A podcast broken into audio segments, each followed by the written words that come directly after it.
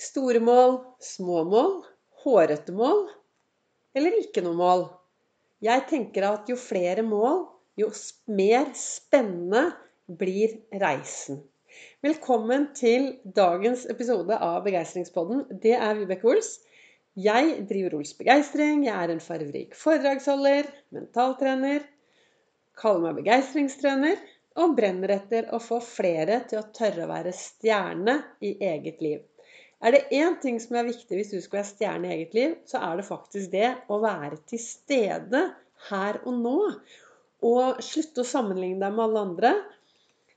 Og det å være til stede nå, det kan jo bety da at man er litt eh, bevisst hva man egentlig driver med i sin egen hverdag. Og jeg tenker I dag er det 1. juni. Og det er Vi har plutselig en helt måned foran oss med blanke ark og fargestifter. Det er litt sånn altså hver mandag er ny uke, nye muligheter. Men første i hver måned det er sånn enda mer nye muligheter, tenker jeg, da. Det er sånn jeg tenker og hvordan jeg lever i mitt liv. Og i dag er det 1. mai.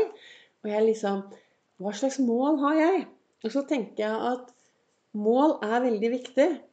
Men det er jo reisen til disse målene. Det jeg gjør underveis. Mestringsfølelsen. Gleden over å få til noe. Gleden av å være til stede. Det er jo det som ofte blir spennende. Og ofte når du kommer til det målet du skulle og har satt opp, så ser du deg tilbake, og så er du fornøyd. Og du føler en mestringsfølelse, og så tenker du at ja, ja, jeg har nådd målet. Men det var jo reisen og alt jeg gjorde til, som ble det viktigste. Jeg har jo nå holdt på med disse daglige podkastene mine hver eneste dag siden mai i fjor. Og jeg prater litt ut ifra hvordan jeg reflekterer, hvordan jeg bruker Ols-metoden, min metode i, som, som, jeg startet, eller som ble til da, i min reise from zero to hero i eget liv.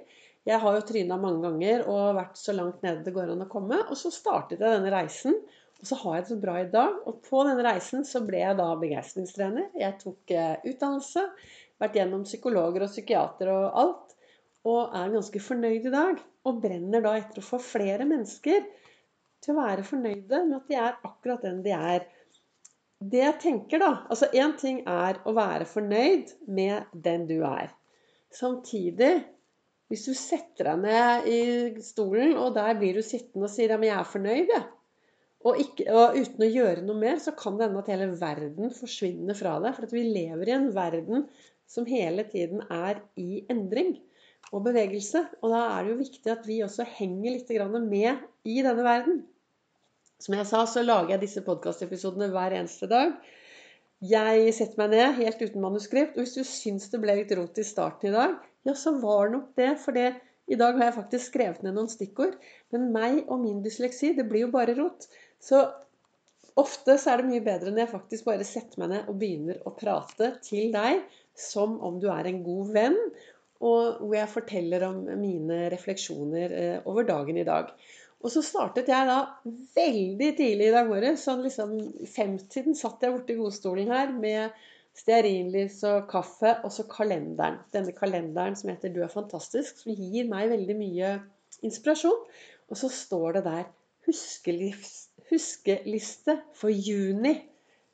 Du er strålende. Du er sjenerøs.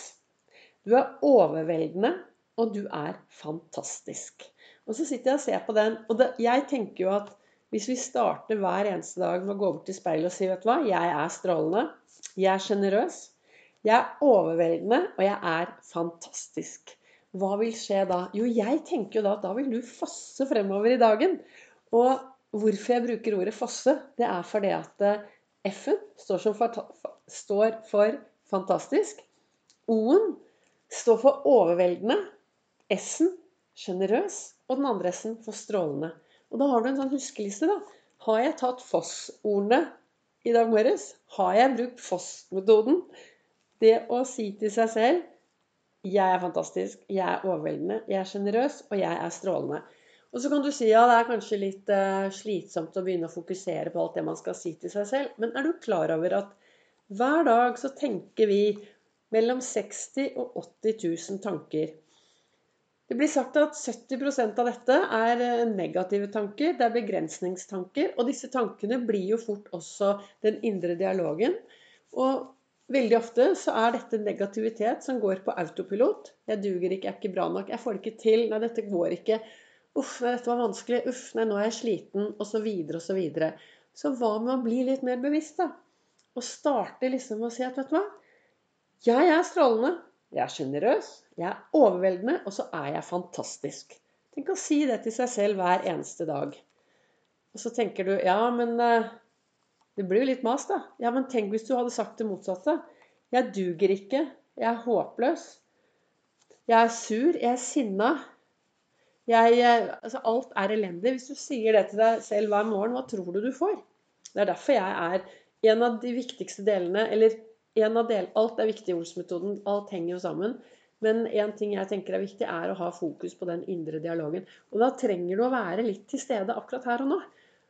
For det, det å stoppe opp og bare lytte etter hva er det jeg sier til meg selv? Hva er det jeg har sagt til meg selv i dag? Hva har du sagt til deg selv i dag? Har du stoppet opp og hatt noen skikkelig heiarop?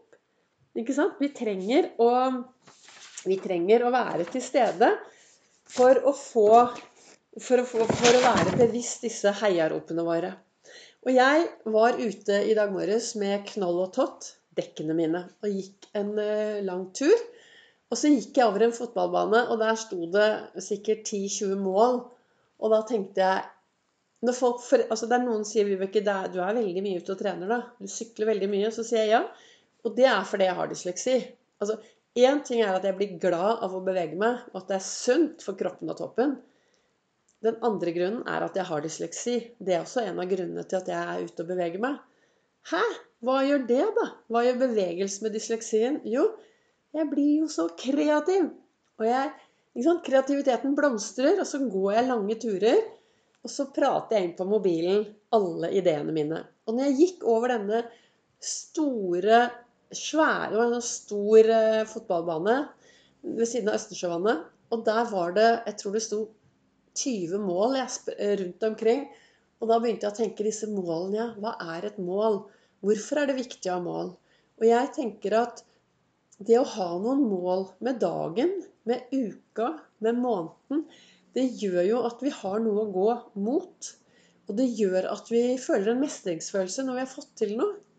For det er vel ofte, sånn som jeg ser det, da, det er jo når jeg går ut av komfortsonen og, og får til noe, at jeg føler en mestringsfølelse og en sånn livsglede. Hvis jeg bare våkner om morgenen og setter meg ned uten å gjøre noen ting, så blir livet Mitt liv blir i hvert fall veldig kjedelig. Så for meg er det viktig å, å ha små og store mål.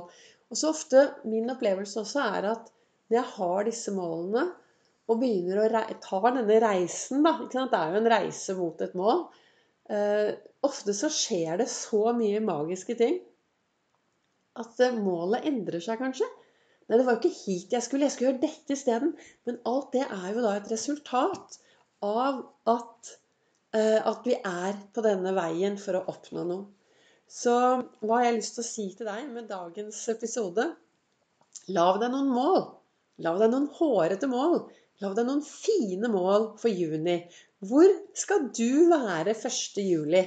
Hva kan du gjøre i ditt liv for å få enda mer mestringsfølelse. Hva ønsker du å se tilbake til når du kommer til 1. juli? Sett deg ned og lag et fremtidsbilde.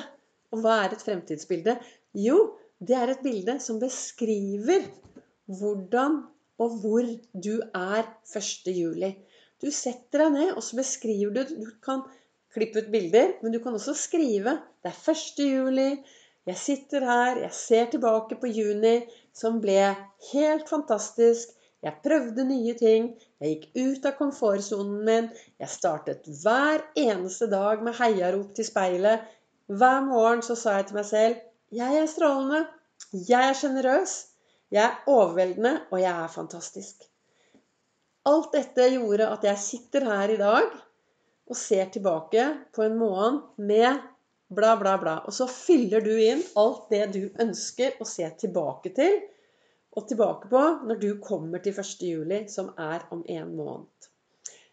Samtidig så har jeg også lyst til å si at i den andre kalenderen min, det, som heter 'Herre Gud og co., så står det 'Jeg er god til å mislykkes'. Men jeg er enda bedre til å reise meg opp og forsøke en gang til. Og det Altså, jeg har tryna mange ganger. Og jeg har aldri hørt om en idrettsutøver som bare har blitt verdensmester med en gang. Det er det å tryne litt, feile litt, reise seg opp. Det er det som er livet. Og da er det viktig å ha en god indre dialog som heier på deg selv. Til dere som eh, jeg har sagt tidligere at jeg skulle ha et foredrag 5.6 her på Nordstrand. Av forskjellige årsaker så, valgt, eh, så, er det avlyst, eller det er flyttet til 22. august. Så 22. august er neste mulighet for å komme og høre på meg og lære mer om Ols-metoden. Men skulle du jobbe i en bedrift som trenger litt mer begeistring, litt arbeidsglede, litt hverdagsglede, så er du velkommen til å ta kontakt med meg for jeg kommer gjerne i din bedrift og snakker om eh, Ols-metoden, og hvordan den kan føre til mer arbeidsglede, hverdagsglede og boblende begeistring. Tusen takk for at du lytter til Begeistringspodden. Takk til dere som deler, og takk til dere som sprer dette videre.